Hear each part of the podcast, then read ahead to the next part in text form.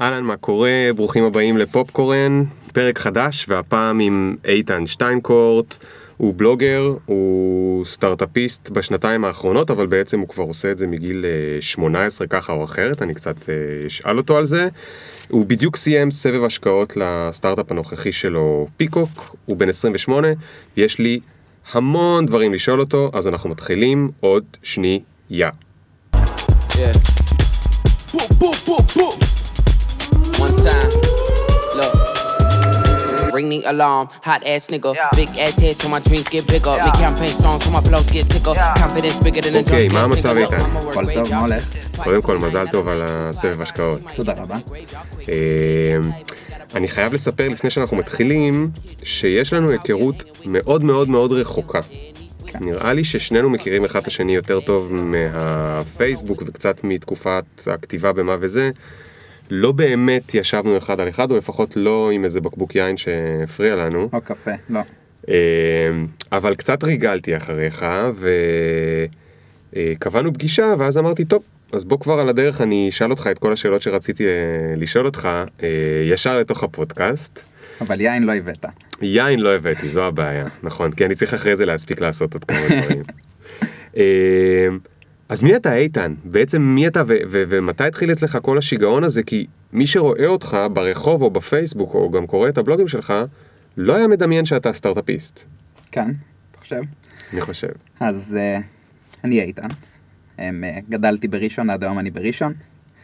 ובגיל 18-19 בצבא, הדבר הראשון שהחלטנו לעשות עם החבר'ה זה היה נמאס לנו לצאת למסיבות ושלא מכניסים אותנו שדברים עולים יקר מדי, ובמקום להיות יחצנים, החלטנו לחפש מועדון סגור, ולקחת אותו על עצמנו, לשלם על הכל, אבטחה, את הדי-ג'יי, את המנקים, פשוט לפתוח אותו פעם בחודש ולעשות מסיבה שפתוחה לכולם. Okay. אוקיי. בנורא זול, קראנו לזה אוף, כי נמאס ממקומות אחרים, וזה ממש תפס, וואלה. ברמה שזה פרנס אותנו כל חודש. וואו. רגע, זה היה בגיל 18? כן. תוך כדי הצבא? כן. אז כולכם הייתם ג'ובניקים.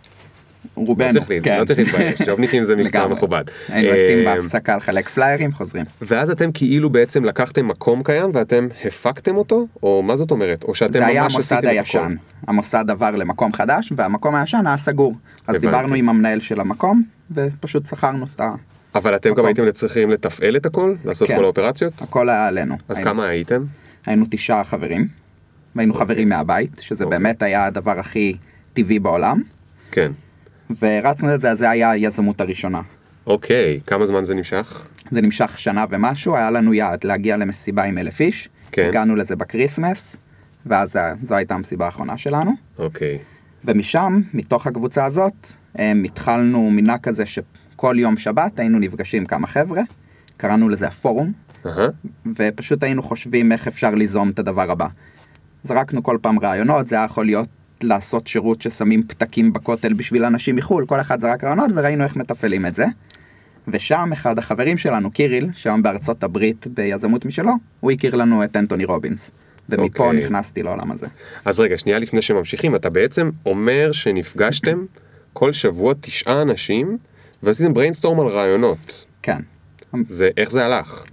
פשוט יושבים בבית כל פעם של מישהו אחר, כן. ומתחילים לדבר, יאללה, מה אפשר לעשות? זורקים, יש, בהתחלה זה נורא נתקע, חצי שעה ראשונה אין מושג מה לעשות, לאט לאט מתחילים לזרוק שטויות, ופתאום מישהו אומר, בוא נשים פתקים בכותל בשביל אנשים, וזה נראה מעניין, אוקיי. זה גורם לך לחקור, להיכנס. רגע, מה זה לחקור להיכנס? זאת אומרת, נגיד שאהבתם את הרעיון הזה, אז מה עכשיו היה הפרוסס? קודם כל לחפש אם קיים משהו כזה. Uh-huh. ואז ראינו שבאי-ביי אנשים מציעים שירות כזה, והצלחנו לראות כמה כסף הם מקבלים, לראות אם זה לגיטימי. לא הוצאנו את זה בסוף לפועל, כי התחלנו לחשוב איך נעשה את זה, מי ילך כל פעם לירושלים לעשות את הפתקים, פתאום זה מתחיל לבאס לאט לאט. אה, זה לא הייתה דוגמה, אתה רציני כאילו ספציפית, זה היה רעיון שרציתם כן. לעשות, אוקיי, גדול. ככה כל רעיון הבאנו לו את הזמן, עד שאתה מוצא רעיון שמישהו אומר, וואלה, אולי, אז אתה לוקח את הזמן. גדול, מעניין שלא חשבתם על כותל וירטואלי, כי זה היה פותר את הבעיה כן. כל הבעיות. אוקיי, אז, אז מעניין, אז זאת אומרת אתה מתרגל, בעצם אתה מתרגל לחשוב על רעיונות כבר מגיל 18. בערך, כן. כי אני ממש ממש רואה את זה, ראיתי גם את זה גם על עצמי, אבל רואה את זה גם אצל אנשים, שהרבה אנשים אומרים, אין לי רעיונות, אני, ולאו דווקא בקשר לסטארט-אפ, אין לי רעיונות בקשר למה אני רוצה לעשות בקריירה שלי, מה אני רוצה לעשות בזה, הייתי מת שיהיו לי יותר רעיונות, או מישהו שעובד בתחום יצירתי, זה יכול להיות מישהו שצריך לכתוב פוסטים לבלוג, או מישהו שצריך לעשות, להעלות פוסטים לפייסבוק או whatever, והוא אומר, אני תקוע יצירתית, אין לי רעיונות. אבל אז אני רואה הרבה פעמים ש... רע... להביא רעיונות זה סוג של שריר. ג'יימס אלטשולר, סופר שאני כל כך אוהב שלדעתי כבר בכל פודקאסט עד היום הזכרתי אותו, הוא אומר שזה מין שריר ואתה צריך לתרגל אותו, ואם תעשה לך תרגיל שאתה כל יום כותב עשרה רעיונות, אתה תראה שעם הזמן זה כאילו משתפר. אינסטינקט, בטח. לגמרי. אני חושב גם שלכולם יש רעיונות ואנשים לא קולטים שיש להם רעיון. אוקיי, הרבה פעמים יכול להיות, אחד העסקים שפתחנו עם חבר, היינו שיכורים במועדון, כן, ופתאום הוא אמר, תאר לך היה פה מכונה כזאת כמו בקניונים שנכנסים ומצלמים את הפספורט, ארבע תמונות פספורט, אז הוא סתם זרק, וזה, ותחשוב איזה צחוקים היו עושים. כן, אם שיחה כזאת עולה בדרך כלל, אז אתה צוחק על זה אבל ממשיך הלאה. נכון. אז אנחנו החלטנו לפתוח משהו כזה. וואלה, באותו רגע. אמרנו יאללה בוא נבדוק אם יש כזה דבר, ראינו שיש כזה דבר לחתונות, היה עסק אחד, כן. אז פתחנו את השני, היום יש עשרות כאלה. כן, אדיר. אתה יודע שהייתי ביפן ושם זה ממש, אה, זה באמצע הרחוב, אתה נכנס, באמצע הרחוב זה כמו עוד חנות, ליד, אתה יודע, ליד בין הסופר לחנות בגדים, יש כזה, וחלק מהקטע של היציאה שלך, שאתה יוצא עם חבר'ה, זה לעצור רגע, להיכנס, יש שם הרבה תאים, ובכל תא יש כאילו מחשב עם מלא אימוג'יס שאתה יכול להדביק על זה וזה, נכנסים החבר'ה לפני היציאה, נכנסים, עושים תמונות, לוקחים, כאילו, לוקחים את זה לארנק ויוצאים ליציאה, כאילו, יוצאים זה למועדון. ממש מתאים ליפנים. כן. זה בדיוק כן. אוקיי, אז, אז רגע, והעסק הזה עם ה... הוא הצליח? התחלנו אותו, נגיד, אני לא יכול להגיד שהוא הצליח, השגנו את כל הכסף, אבל הלקחים הכי חשובים הבאתי דווקא מהעסק הזה. אוקיי. למה? כי להביא את המכונה ממקום למקום היה ממש קשה. Hmm. ואז לא רצינו להביא עובדים שיטפלו במכונה כי הייתה נורא יקרה ולא רצינו שהם ישברו אותה אז הכל היה עלינו Hmm. וזה שחק אותנו. תוסיף את זה לעובדה שלא היה אכפת לנו מחתונות וזה היה רק רעיון של בוא נעשה כסף כן, המוטיבציה יורדת ממש מהר. אז אוקיי. בסוף מכרנו את העסק הזה אבל למדתי שאני לא אכנס לעסק רק בגלל, בגלל הכסף mm, או לא לפחד לתת לאחרים לעזור לי כי אחר כך אני אתמוטט. אוקיי, אוקיי. טוב, אז עכשיו עצרתי אותך באנטוני רובינס, ותחזור רגע לשם ותסביר מה, מי זה בכלל, כי אולי מישהו לא מכיר, ומה מה הוא גרם לכם לחשוב. אז כשהיינו עושים את המפגשים כל שבוע, מתישהו הגענו לאיזשהו תקרה כזאת שכבר אין מה לעשות כל פגישה במשך שעתיים שלוש וכל הזמן להריץ רעיונות. אז החלטנו שכל שבוע מישהו אחר יהיה אחראי ללמד את שאר החבר'ה משהו. אוקיי, ואז קיריל הגיע והוא למד שיטת אה, ניהול זמנים מבחור שקוראים לו אנטוני רובינס, שממש Mm. התחברתי אליה. אנטוני רובינס, אני אגיד שהוא קואוצ'ר, אם הוא היה שומע את זה הוא היה כועס. הוא לא אוהב להחשיב את עצמו קואוצ'ר, אבל הוא בן אדם שחוקר התנהגות אנושית, והוא מבין איך אנחנו עובדים. כן, אז לשמוע אותו זה לקבל הצצה על המוח שלך. והייתי שומע אותו בלי הפסקה. וואלה. בספורט, כל יום, כל שבוע, את הסדנאות שלו עוד פעם ועוד פעם ועוד פעם. וכמו שאתה מפתח שריר לחשוב על רעיונות, הוא פיתח אצלי שריר לחשוב איך הכל אפשרי, או לשים לב למה שקורה מסביבי, או איך לקחת את הרע בחיים ולהפוך אותו לטוב בחיים. אוקיי, זה מה שהוא עשה. אוקיי. מומלץ מאוד להכיר את הבן אדם. טוב, אז רגע, אז, אז אה, מה עוד לימדתם? אתה זוכר נגיד מה לימדת שם את החבר'ה? וואי, לא. אני ממש לא. אוקיי, אז מה היה הדבר הבא? בעצם מה עשית בצבא? בצבא הייתי תוכניתן בממר"ם, אוקיי. זה תהליך כזה שאתה צריך לחתום שנתיים וחצי מראש, אז הייתי שש שנים בצבא, כולל הקורס. נכון. אוקיי, איך זה היה לך? אני בא ממשפחה שכולם היו סטארט-אפיסטים, Hmm, וכאילו בני דודים, וכולם היה סטארט-אפ בחיים, ואז קיבלתי מנילה הביתה, הפרופיל שלי לא היה קרבי, ובמנילה האופציה הכי קורצת הייתה בודק כשרות.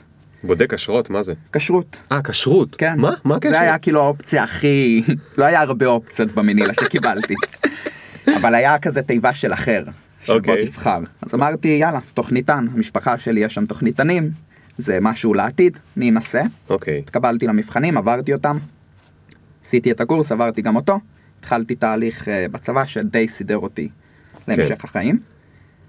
אבל באמצע הצבא גם השירות שלי היה טוב, והצלחתי במה שעשיתי, אבל הוא לא ריגש אותי. לא אוקיי. ריגש אותי לבוא ולעבוד בתור תוכניתן, במיוחד לא בצבא. כן. אז התחלתי ללמוד הפקת מוזיקה ב-BPM. Mm. בזמן שכולם הלכו ללמוד תואר, נרשמתי לתואר, עשיתי פסיכומטרי, החלטתי שאני לא רוצה תואר בשביל הדף, הלכתי ל-BPM, אמרתי אני אלמד מוזיקה. אוקיי. כן. אז היית אז בן 21 כבר, כזה. הייתי בן 22 כבר. אוקיי. משהו כזה. ללמוד מה, מוזיקה לנגן או להפיק או ל... אמ, כשהיינו עושים את המסיבות של עוף, אז פעם אחת לחברה שלי היה יום הולדת, ורציתי להשמיע לה שיר בזמן המסיבה שאני כתבתי ושרתי לה. אז למדתי בבית להפיק שיר, יצא שיר על הפנים. באמת, אבל שמתי אותו במסיבה, וזה היה, זה היה בסוף המסיבה, והיה שם בחור אחד ממש שיכור שרקד, הוא היה היחידי שרקד, אז אמרתי זה הזמן, שמתי את השיר, בחור הפסיק לרקוד. אבל החברה התרגשה, והיה לי כיף? כן, אוקיי. אבל היה לי כיף לעשות את השיר, אז אמרתי זו הזדמנות מעולה, כן. אני אבטל את ההרשמה ללימודים, אני אלמד לעשות מוזיקה כמו שצריך.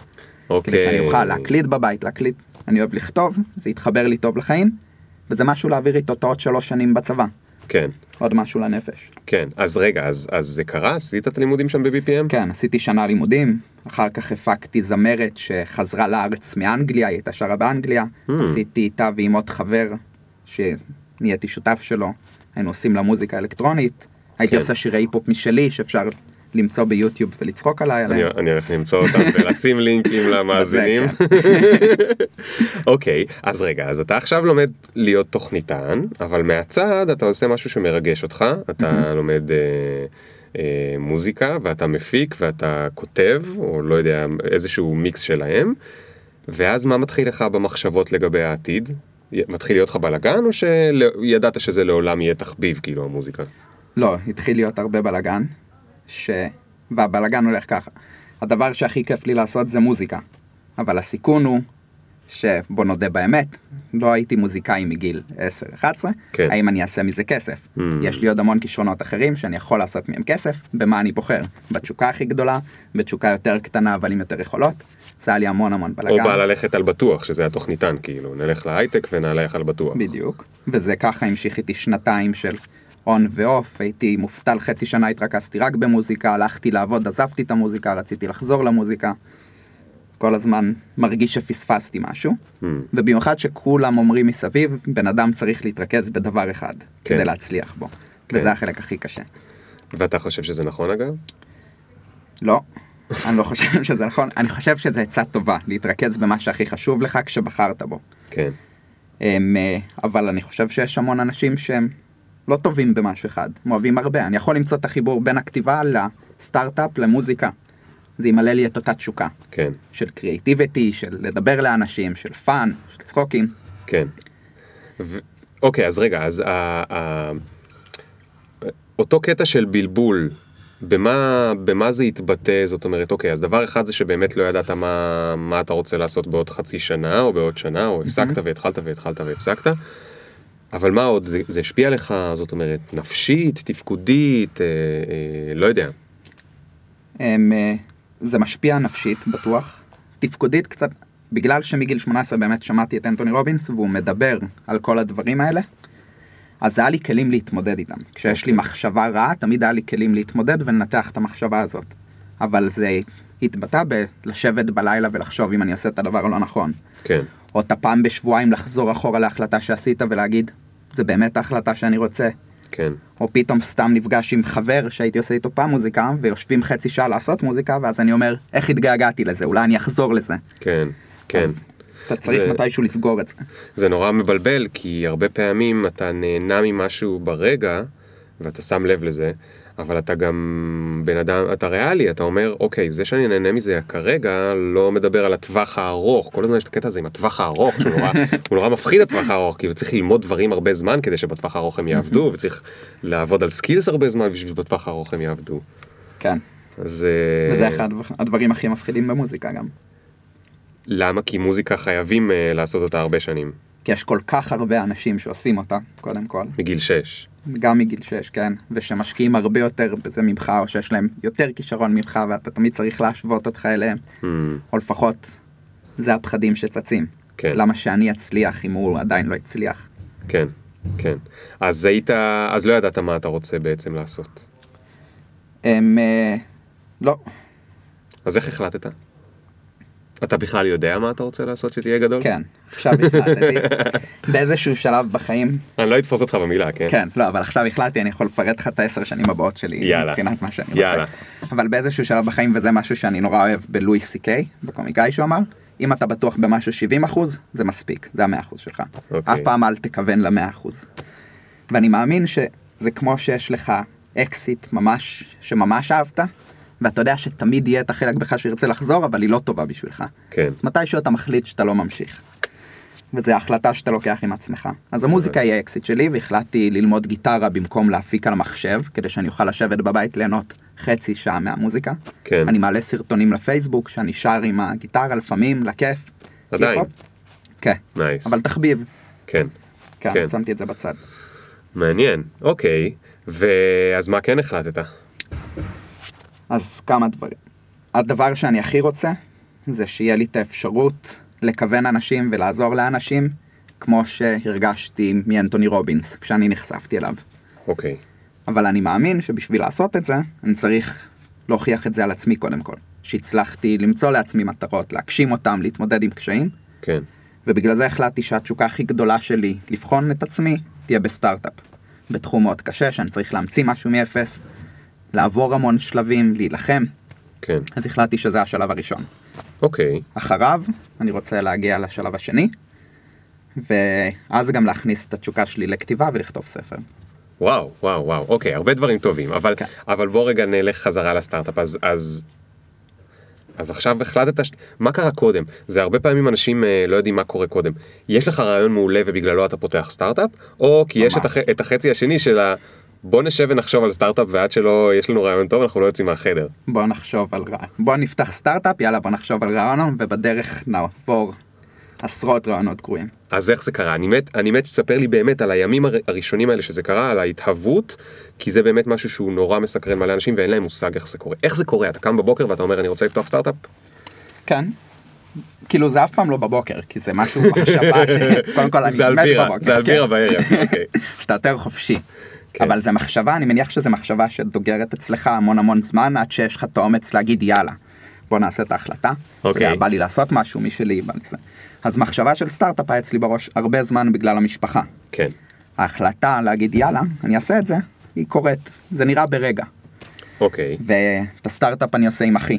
אני והוא מריצים את זה ביחד מההתחלה, החלטנו ביחד שנפתח סטארט-אפ, והיינו יושבים אצלו בבית, בערב, פשוט זורקים רעיונות לאוויר, וואלה, אוקיי, כל דבר.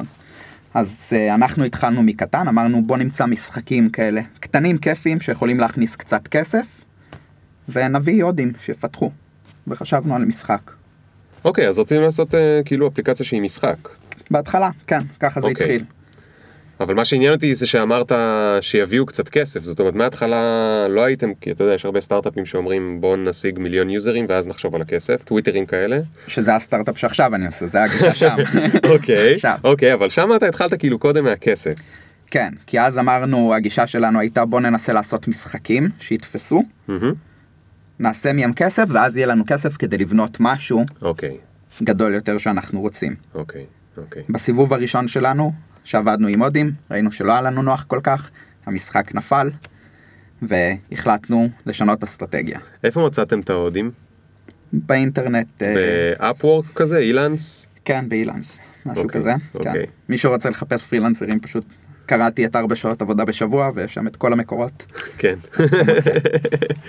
אה, אוקיי, אז אז אז אתם לא עושים משחק, אז מה אתם כן? אז זהו, אני לא אהבתי את הגישה הזאת של לעשות, כי זה החזיר אותי לאותה טעות שעשיתי עם המכונת משחקים, Mm, לחשוב על כסף.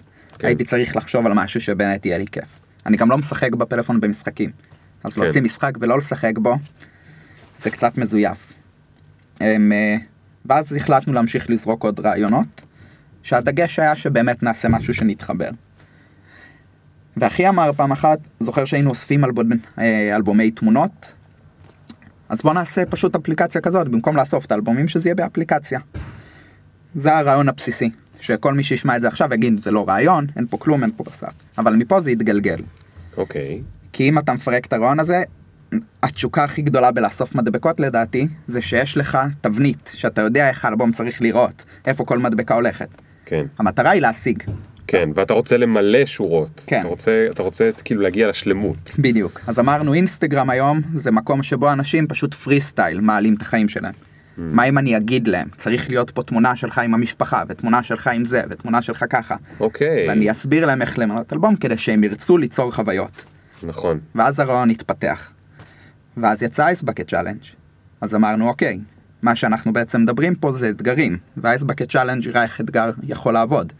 אני צריך לעשות ככה, אבל אני קורא לאחרים להצטרף אליי. אוקיי. אז הרעיון התפתח לרשת חברתית כזאת שאומרת לך מה לעשות, מכוונת אותך, אבל אומרת לך תזמין אחרים להצטרף אליך, אל תהיה לבד על הבמה.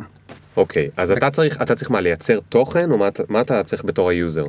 אתה צריך לענות על אתגרים, אתה יכול גם לייצר טרנד חדש, אבל המטרה היא לענות באמת על אתגרים, לקבל השראה מאחרים, להיות יצירתי יותר מהם, או לפחות שייתנו לך את הרצון להיות יצירתי יותר. אז בוא תן לי דוגמה מעשית, זאת אומרת איזה אתגר למשל, ואז מה קרה ממנו. כאילו, אז יש כמה דברים. אה, יש אתגרים, האתגרים שאני הכי אוהב זה האתגרים שיוצרים לאנשים רגעים הזויים.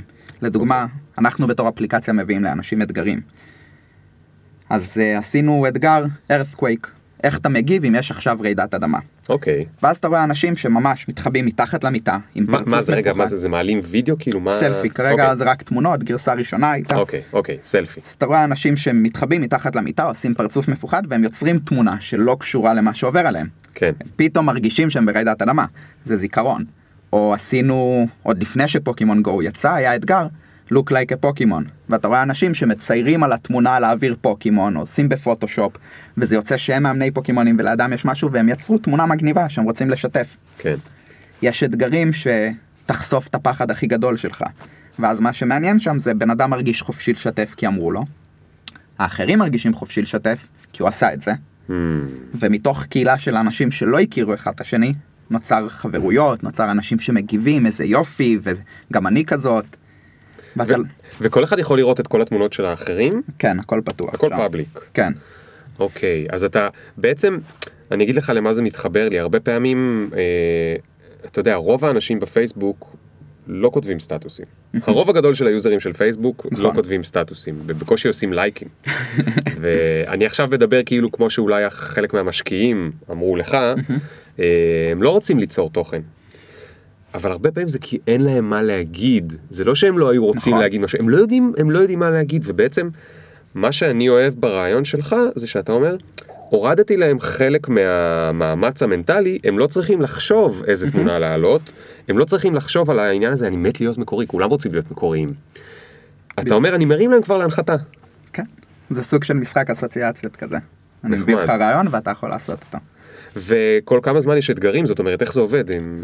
אז זה תלוי מתי היית תופס, הסטארט-אפ רץ כבר שנתיים. אוקיי, ובהתחלה האסטרטגיה שלנו הייתה לבדוק את המוצר, להוציא אותו, עשינו רק לאנדרואיד, אספתי אנשים דרך הפייסבוק שרוצים, ורצינו לבדוק איך הוא עובד.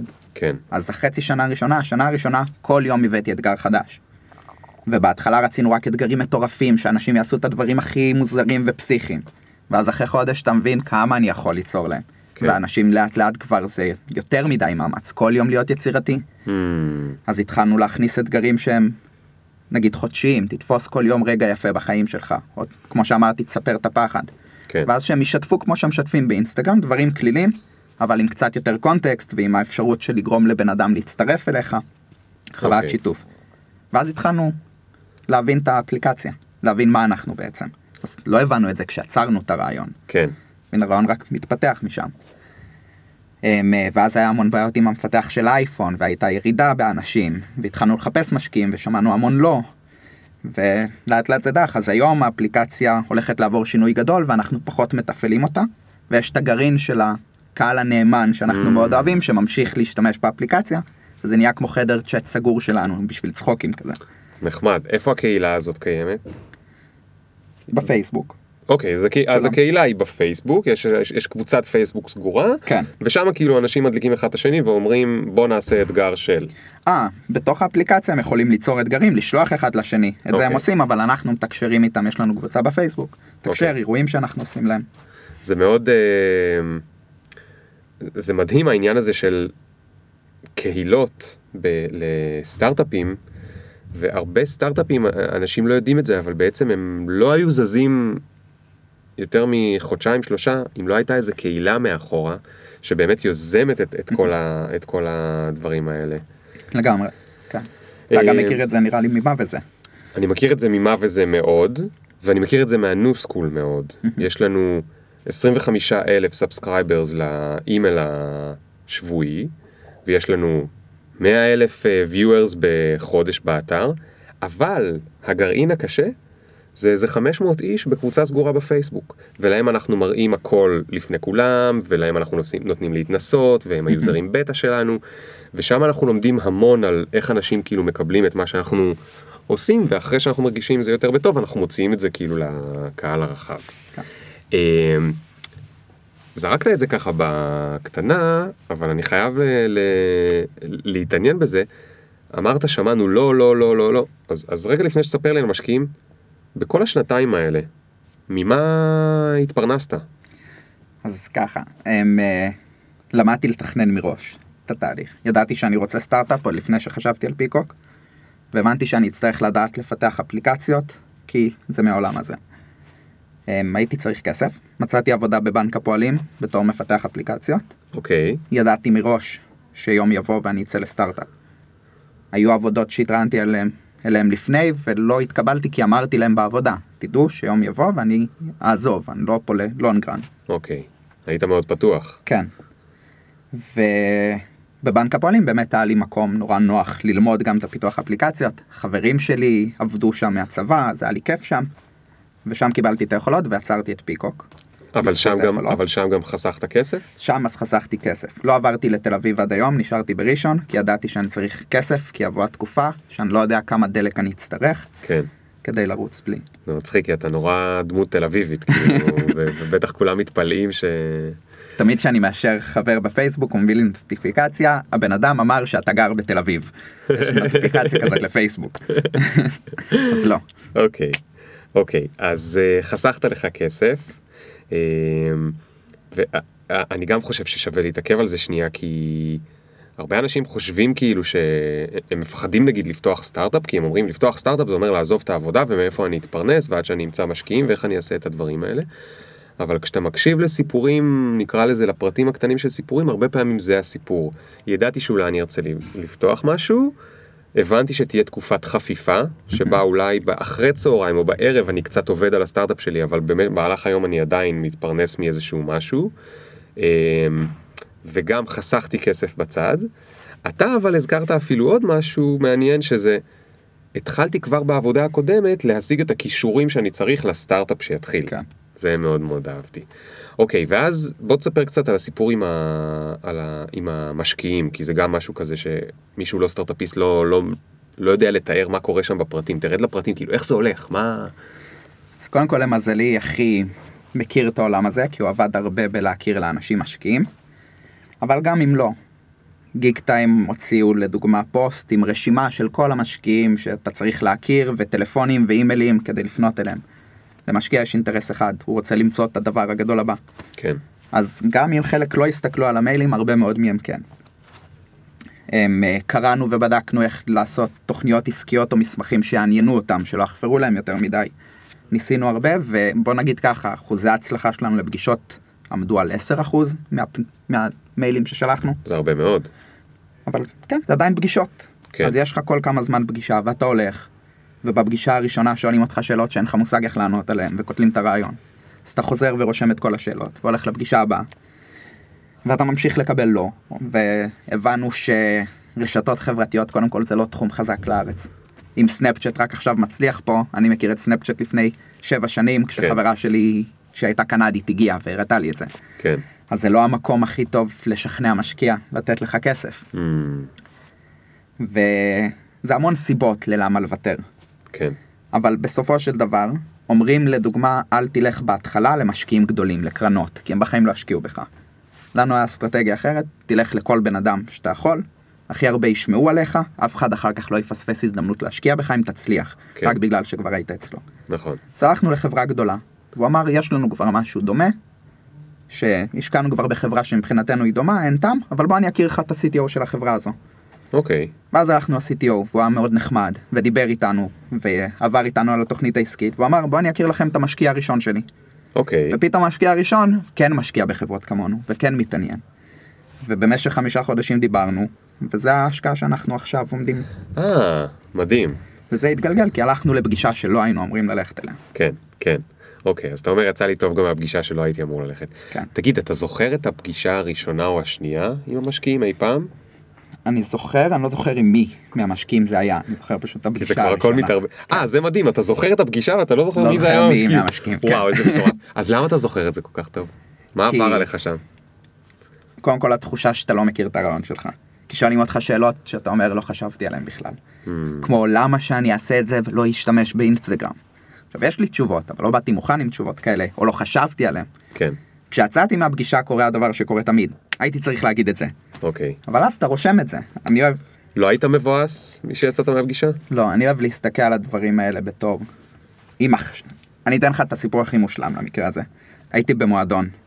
הייתה מלצרית שהייתה מאוד נחמדה אליי, כל הזה, וכשהבאתי לה את החשבון, אני לא יודע למה אפילו, היא הביאה לי את החשבונית עם מספר הטלפון שלה, ואמרה, אם יהיה לך בעיות עם האשראי, תתקשר אליי.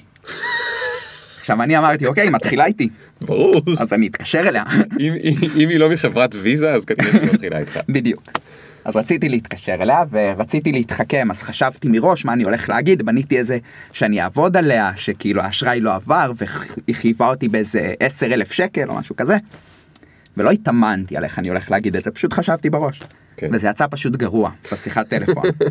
כאילו היא גם ייבשה אותי גם לא אמרתי את זה טוב הכל התחרבן כאילו וסיימתי את השיחה בקטע של אפילו לא אמרתי לה סתם אני צוחק. בואי נמשיך לדבר. תתני לי את הפרטי חשבון אני. אעביר לך את הכסף אני מצטער שהאשמתי אותך. משהו הכי... והרגשתי ממש רע. עכשיו זה היה שבועיים לפני שיחה עם משקיעים. אוקיי. אז התבאסתי ואז אמרתי, את האמת זה רעיון טוב. כי אם זה כאילו, זה טוב שזה קרה.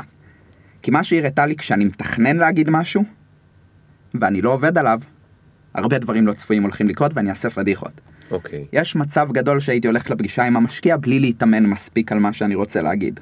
זאת אומרת, אוקיי. אם נפלתי שם, היא הסימן שלי. תעבוד על איך אתה הולך לדבר, תעשה את זה מול המראה, תעשה מול אנשים, שישאלו אותך שאלות לא צפויות. מעניין. תראה איך אתה מתמודד. זה מפדח לעשות את זה מול אנשים נכון? מאוד. לא זה מדהים כאילו ת- אני מרצה המון אין לי שום בעיה תגיד לי עכשיו שאני צריך אה, אה, 300 איש לעמוד על במה ולדבר ולתת את ההרצאה אני מרגיש בטוח לא כי אני נולדתי גאון כי פשוט אני עושה את זה כל. החיים אוקיי. אבל עכשיו תגיד לי אה, יום לפני ההרצאה תעמוד מול נוגה ותעשה לה את זה נו- נוגה אשתי או תעמוד מול ה... הכי הרבה זה קורה לי עם האלה מהכנס. הם אומרים לי בוא תעשה רק לנו את זה כאילו אנחנו פה בחדר אני לא יכול אני מגמגם אני נבוך אני זה. יש משהו בכאילו שכאילו פוגע באגו בקטע הזה של הלחזור על זה עכשיו מול או לא כן. יודע אם זה פוגע באגו או זה, או זה מביך אבל עשית את זה בכל זאת כן.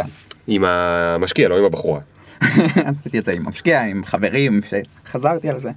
אתה. מוצא, אבל אני לא אוהב לחזור לפני מול אנשים. תגיד אתה חושב שזה רעיון טוב לעשות גם למישהו לפני רעיון עבודה? הכנה כזאת? כן. בטח. עכשיו אנחנו מראיינים עובדים לדוגמה, ואני רואה הרבה עובדים שבאים לראיון. והם לא מוכנים לתשובות. כאילו הם יודעים הם יודעים את החומר נגיד, אבל הם לא מוכנים לשאלות מסוימות. Mm. שזה חבל. כן. כי זה יוצר רושם רע יותר. כן. אז תמיד טוב להתכונן. ו- ומה אתה מבין עכשיו בתור מישהו שהולך לגייס אנשים שלא הבנת כשהיית מישהו שהיה מגויס? הם, אה, קודם כל, זה סוג, זה, זה כמו לבחור בת זוג. לדוגמה, אנחנו עכשיו הולכים לסטארט-אפ, אם אני מגייס מישהו, אני לא יכול שהוא לא יהיה טוב עוד שלושה חודשים אני אחליף אותו, כי שרפתי כסף בינתיים, מהמם. ואין לי המון כסף לשרוף, נכון. אז ההחלטות צריכות להיות שקולות. אבל אתה גם לא יכול לוותר על הזדמנות לדוגמה. אם יש מישהו טוב, אתה לא יכול להגיד אולי יבוא מישהו יותר טוב, כי אז כן. אני מפספס אותו. כן. אז אתה רואה שיש הרבה יותר שיקולים, קודם כל, שפעם לא הבחנתי בהם. מה וגם- למשל? איזה שיקולים למשל? כמו השיקול הזה של כאילו לחכות למישהו יותר טוב, הוא נראה לי מספיק טוב, אני יכול ללמד אותו. כן. זה שיקולים שאם הייתי מתראיין אצל מישהו לא חשבתי שהוא יכול לקחת. כן. ואם נגיד אה, לא היית מתקבל לאיזושהי עבודה, אתה לפעמים לא מבין שזה מה שעבר למעסיק בראש. בדיוק. שיש כן. לו גם את הפחדים שלו ואת הזה. ולפעמים אני לא מציג את עצמי נכון, כי לא באתי באמת מוכן לרעיון עבודה, אז הוא לא מקבל אותי. למרות כן. שאני, כאילו, ואני מרגיש, אבל אני יודע את הכל, ואני מספיק טוב, איך הוא לא מקבל אותי, איך הוא מעז, בדיוק. כן. יכול להיות אה, הרבה... ואתה מרגיש שאתה צריך למצוא חן בעיניהם גם? אמ, זאת אומרת שגם הם צריכים לבחור בך? אני מקווה שכן. אני מאוד מקווה שכן.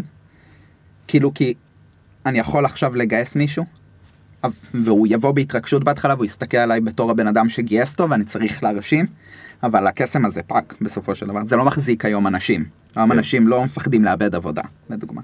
אז אם הוא לא יתחבר אליי, אז הוא יעזוב אותי מתישהו. הוא יעזוב אותי בזמן קריטי, הוא, הוא לא ייתן את כל כולו, הוא לא יתחבר לסטארט-אפ. כן. כן. אה, עכשיו תגיד, כשאתה מראיין עכשיו אנשים, אגב, לאיזה משרות אתם מחפשים? מפתח אייפון ומפתח web, React. okay, אז כשאתה מראיין את המפתחים האלה, מה, כאילו, מה המשקל של מה שמעניין אותך, היכולות הטכניות שלו, נגיד, והניסיון, לעומת איך הוא בתור בן אדם? מה היית אומר המשקל? אמ,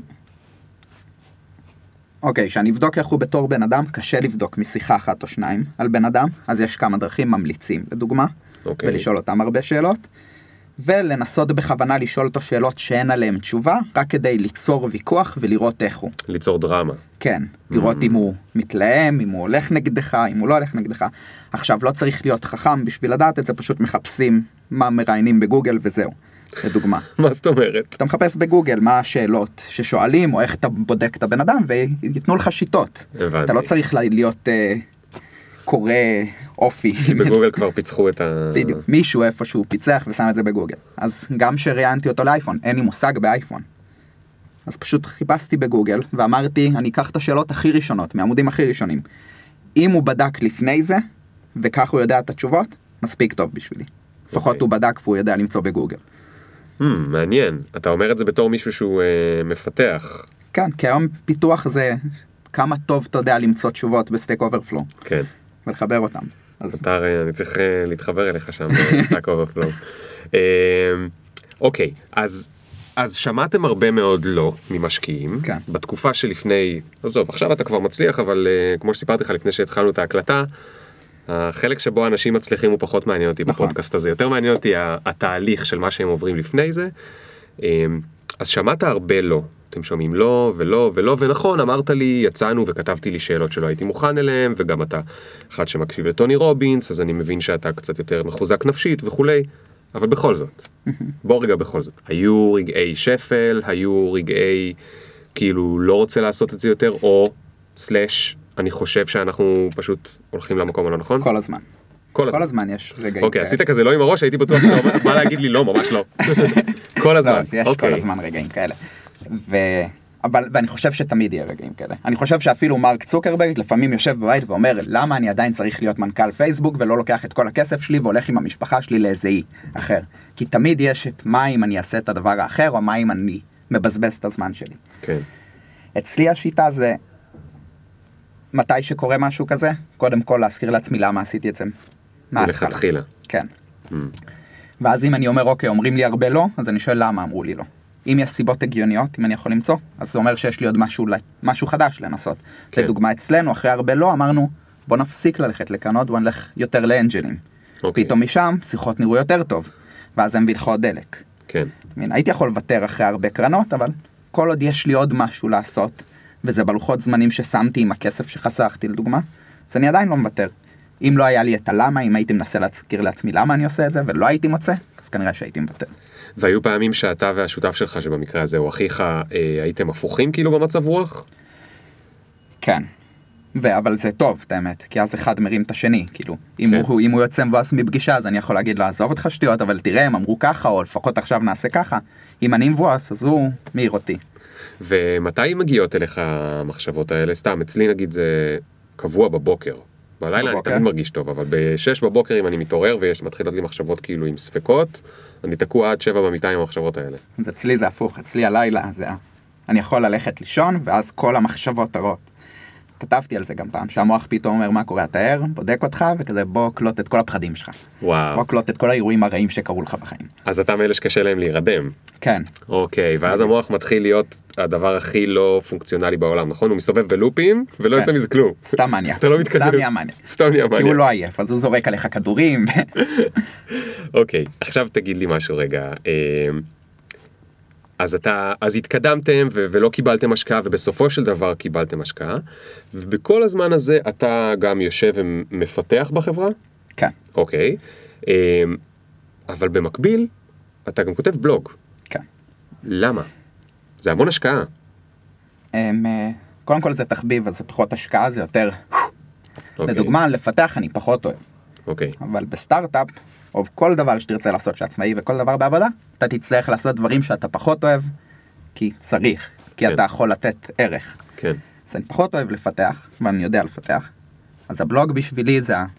הרגיעה, אני יכול כאילו אחרי כמה שעות של עבודה, לקחת יאללה חצי שעה אני אכתוב משהו, ואז אני מעלה אותו ומקבל תגובות והודעות מאנשים, וזה הכיף שלי. כן, זה מושך קדימה. כשהתחלתי לכתוב את הבלוג, זה היה ממחשבה כזאת. אני...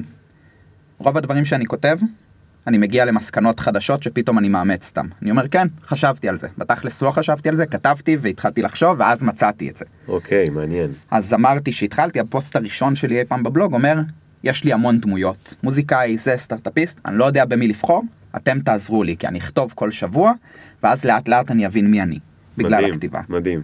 אז זה היה ככה לפני- התחלתי. גם לפני שנתיים? אפילו. כמעט שלוש. כן. וזה היה ככה הפוסט הראשון, מצאתי את עצמי מהר מאוד, תפסתי יותר נישות בבלוג, קצת יותר על זוגיות ממה שחשבתי כתבתי, דברים כאלה, אבל זה נהיה תרפיה כזאת. אוקיי, אז אתה כותב כל שבוע? לא, ממש לא. כי אם אני אכתוב כל שבוע, אז זה משהו שאני, זה אז באמת המון אחריות. הבנתי. עדיין זה הפאן בשבילי. אז בחודש האחרון יצא, היה לי המון השראה, וכתבתי הרבה, יכול להיות חודש שאני לא אכתוב בכלל. כן. צריך- ואז אתה כותב בבוקר, בלילה, כאילו איך, איך זה נראה אצלך?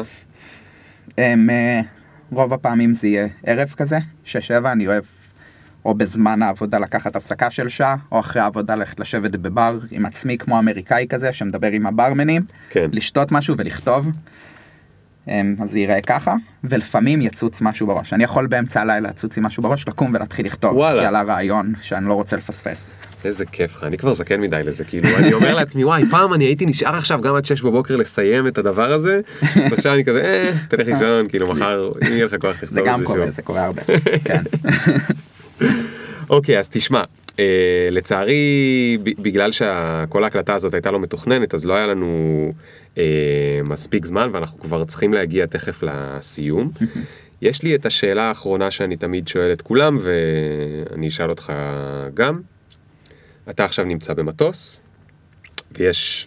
המטוס מתחיל להתנענע, יש כיסא אוויר, כולם בלחץ, נופלות כבר המסכות, אתה בנחיתת חירום וסיכוי טוב שאתה לא הולך לשום מקום.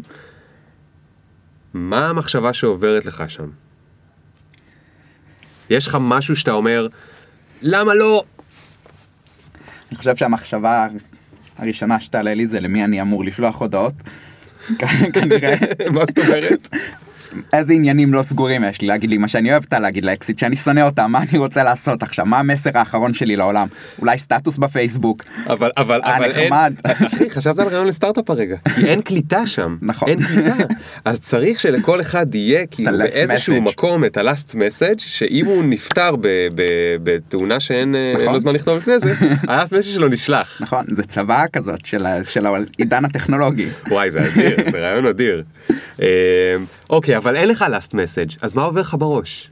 יש משהו שלא הספקת? יש משהו שאתה תאכל את עצמך? אני לא חושב שבאותו רגע אני אחשוב יש המון דברים שלא הספקתי אני חושב שברגע האחרון כנראה שאני אחשוב fuck. אני אגיד לך מה זה אני אעשה את זה ממש מהר ועם קצת פרטים בגלל שאין זמן אבל בגיל 6 טבעתי והייתי במצב אנוש. הייתי בבית חולים מחוסר הכרה יותר מ-24 שעות להורים שלי אמרו שכנראה אני לא אצא מזה. ואני זוכר את הרגע שטבעתי אני זוכר את המחשבות שעברו לי וואו, אין לך זמן לחשוב על שום דבר מבאס. זה אפילו לא כואב או מלחיץ. כל מה שיש לך זמן לחשוב זה לצעוק אימא. אוקיי. אז כל מה שהייתי צועק כנראה זה fuck, fuck, fuck, fuck, fuck, fuck, fuck, fuck. גם אם זה עשר דקות. כן. יושב fuck, fuck, fuck, fuck. כולם לידך כאילו כותבים אס.אם.אס, כאילו חושבים למה לא הייתי סטארט-אפיסט, למה לא הייתי זה, ואתה fuck fuck fuck fuck fuck, That's- וכאילו זה כבר עשר דקות ואתה shit, הדבר שאני הכי מצטער עליו זה שלא ידעתי שזה עשר דקות, כי אז הייתי חושב מה הדבר שאני הכי. מצטער עליו. כמו הסצנה של Family Guy. טוב, גדול איתן, יאללה ממש תודה, ניתן לך כיף כרגיל שלא רואים אותו כי זה לא מצולם. אה, המון תודה על הספונטניות. והיה ממש כיף, אני אשים גם לינק לבלוג שלך, אתה כותב מעולה, יש לך, תודה רבה. עזוב רגע את הכמות לייקים, יש לך אחלה כתיבה, אני חושב שהמון אנשים שקוראים אותך לא היו מדמיינים שאתה סטארט-אפיסט, חוץ מהפוסטים על הסטארט-אפ, ובעיניי זה מחמאה, כי זה אומר שאתה בן אדם מאוד אה, מגוון. אה, ביי לכולם, תודה רבה, וניפגש פעם הבאה. תודה רבה. Ciao. Inches, something like my dick is. Hit it when they mention. Did you get my mentions? Question. Do you even fuck with a nigga like me? Will you bump me in about three days? Really? IDC. Cause every time a nigga talk, they can't see the big up picture. Fuck your filter. Me can't go run, but me can't repeat. No.